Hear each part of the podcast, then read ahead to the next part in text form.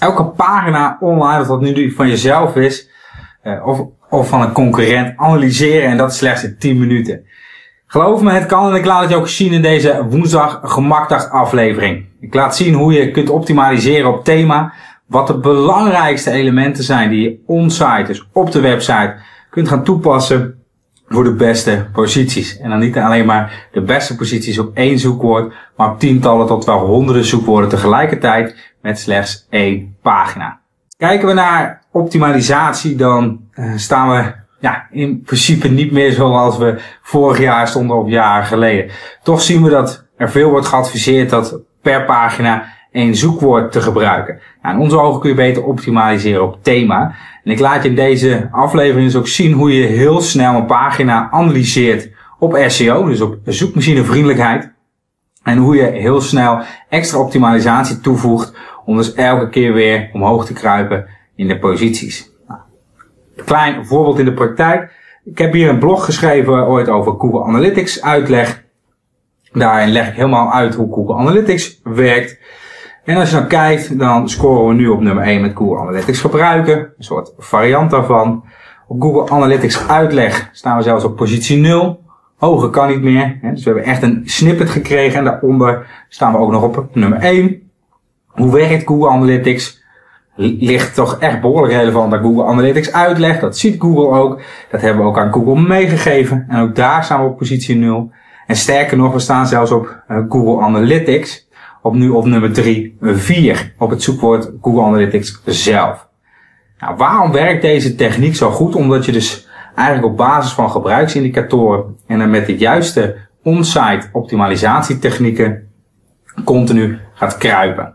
Nou, voordat je überhaupt begint met het optimaliseren, wees je van bewust dat is het goed voor je bezoeker, dan is het goed voor Google. Schrijf je je artikelen of plaats je video's nooit voor Google, maar voor je bezoeker. Dus schrijf voor je bezoeker, optimaliseer voor Google. Sowieso ben ik even benieuwd. Doe je zelf de optimalisatie? Heb je vragen? Of uh, heb je daar een bureau voor? Hoe vaak doe je dan aan SEO? Laat wat weten in de reacties onderaan uh, deze video. Kijken we dan naar de praktijk. Allereerst, wat het belangrijkste is, is de titel van je pagina. Kijken we hier dan ga je op het tapje staan en dan krijg je zo'n balkje en in dit geval Google Analytics uitleg voor beginners plus vier expert tips. Deze titel is niet zomaar gekozen. Elke SEO titel heeft eigenlijk twee belangrijke elementen in zich. Eén, hij is pakkend, want een x aantal percentage moet op jouw website klikken. En het liefst een zo hoog mogelijk percentage. Omdat jij op nummer 1 staat, betekent niet dat iedereen die er ook op zoekt ook daadwerkelijk op jouw website klikt vanuit Google.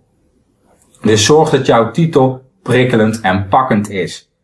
Als jouw titel prikkelend en pakkend is, en jij staat ergens op positie 2, dus jouw concurrent staat op nummer 1, maar statistisch gezien klikken toch meer mensen op jouw resultaat, ja, dan is dat toch een hele sterke indicator voor Google van, hey, als heel veel mensen toch op 2 klikken, misschien moet ik die 2 dan toch maar op 1 zetten. Plus, stel er klikt nu 10% op jouw eh, website en je weet dat met een prikkelende titel naar 20% te brengen, dan heb je in één klap, met een klein beetje tijd, jouw bezoekersaantallen verdubbeld. In ieder geval op dat zoekwoord. Dus zorg dat die prikkelend is. Zorg dat je belangrijkste zoekwoord erin verwerkt is. En speel daarmee. Als je kijkt, Google Analytics uitleg voor beginners plus vier expert tips. Nou, ik heb hem geprobeerd een beetje prikkelend te maken. Daarnaast zitten er meerdere zoekwoorden in verwerkt. Google Analytics, Google Analytics uitleg, Google Analytics voor beginners, Google Analytics tips, uh, Analytics uitleg, Analytics tips, etc. Vervolgens ga je naar je koppenstructuur kijken. 9 van de 10 keer zie jij in je koppenstructuur en naar de opmaak hoe het artikel is opgebouwd. Dik gedrukt of grotere eh, letters zijn vaak koppen. Nou, om dat extra te controleren kun je met je rechtermuisknop op element inspecteren of paginabron bekijken. Klik ik op element inspecteren. Dan krijg ik hier een driehoek of een vierkantje, dan kan ik er overheen. En als ik dan daarop klik, Dan krijg ik hier te zien, hé, hey, dit is een H1. Die H1 heading. Een H1 is zeg maar de titel van het hoofdstuk.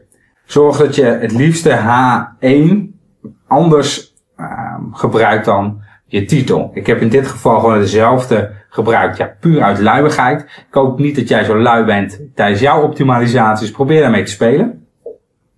Zorg voor een pakkende inleiding. Ik moet heel snel, als ik op jouw website terechtkom, weten van... Oké, dit is een uh, waardevolle bron aan informatie. Ik ga dit artikel verder lezen.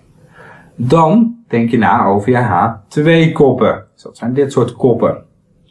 Zorg dat je daarmee dus speelt met je uh, zinnen en uh, zoekwoorden. Dus in dit geval heb ik hoe werkt Google Analytics. Nou, dat zien we hier ook. Hoe werkt Google Analytics? Dat ik daar hier meteen ook nog weer een extra positie oppak. Werk zo op die manier heel jouw artikel uit. Dus zorg voor een goede titel. Denk na over je koppen. Kijk vervolgens naar de URL-structuur. Ik moet zonder dat ik jouw pagina bezoek al weten waar het artikel over gaat. Dus in dit geval Google Analytics uitleg. Ja, waar gaat het artikel dan over? Nou, waarschijnlijk over een uitleg van Google Analytics. Dus elke optimalisatie die je kunt doorvoeren, als ik alleen de titel van jouw pagina weet, moet ik weten waar het artikel over gaat. Als ik alleen maar jouw koppen zou lezen, moet ik weten waar het artikel over gaat. Als ik alleen je link zou bekijken, moet ik weten waar het over gaat. Dan kun je natuurlijk nog video's en afbeeldingen toevoegen. Als je een afbeelding toevoegt, hoewel er niet heel veel waarde aan meer wordt gegeven, sla je die afbeelding dan op, dus met de bestandsnaam, uh, zoals jij hem ook op een gegeven moment op je website zou willen hebben. Dus in dit geval, stel ik zou deze afbeelding bekijken, heb ik hier hoe werkt Google Analytics van gemaakt. Het is gewoon een Google Analytics plaatje. En ik heb er toch weer een extra zoekwoord meegegeven. Je kunt ook nog een alt tekst toevoegen. Kijk even via welk systeem je werkt. En een alt tekst, dan kun je eigenlijk een beschrijvend stukje tekst gebruiken. Het vroeger gebruikt voor uh, blinde personen die dan toch de website bezochten. Daar werd de alt tekst aan voorgelezen, zodat ze ook begrepen dat er plaatjes in verwerkt waren. Google dacht, hé, hey, als ik op deze manier naar de alt-tekst kijk, dan weet ik ook waar een plaatje over gaat. Dus gebruik dat soort informatie wel, zodat, om Google steeds meer informatie te geven over het artikel wat je hebt geschreven. Als je werkt met een koppenstructuur, dus in dit geval bijvoorbeeld voordat je begint met Google Analytics, stel dat ik hier een subkop van zou maken, uh, drie stappen. Dus die zin heet ik drie stappen dan is het heel duidelijk dat die drie stappen horen bij voordat je begint met Google Analytics. Dus zorg dat je niet alleen H1, H2, maar ook H3 en eventueel H4 gebruikt. Hetzelfde als wat je in een hoofdstuk doet. Daar is, of in een boek heb je ook niet alleen de titel van het boek en alleen maar hoofdstukken. Heb je ook paragrafen en eventueel subparagrafen. Nou, mocht je dit soort materie allemaal interessant vinden uh, en dit soort tips vaker willen ontvangen, raad ik aan om ergens uh, op abonneren te klikken en op dat belletje, zodat je elke woensdag weer een nieuwe tip van ons ontvangt. Heb je vragen, opmerkingen, suggesties, laat dat van je horen. En dan zie ik je bij de volgende woensdag gemaakt dag.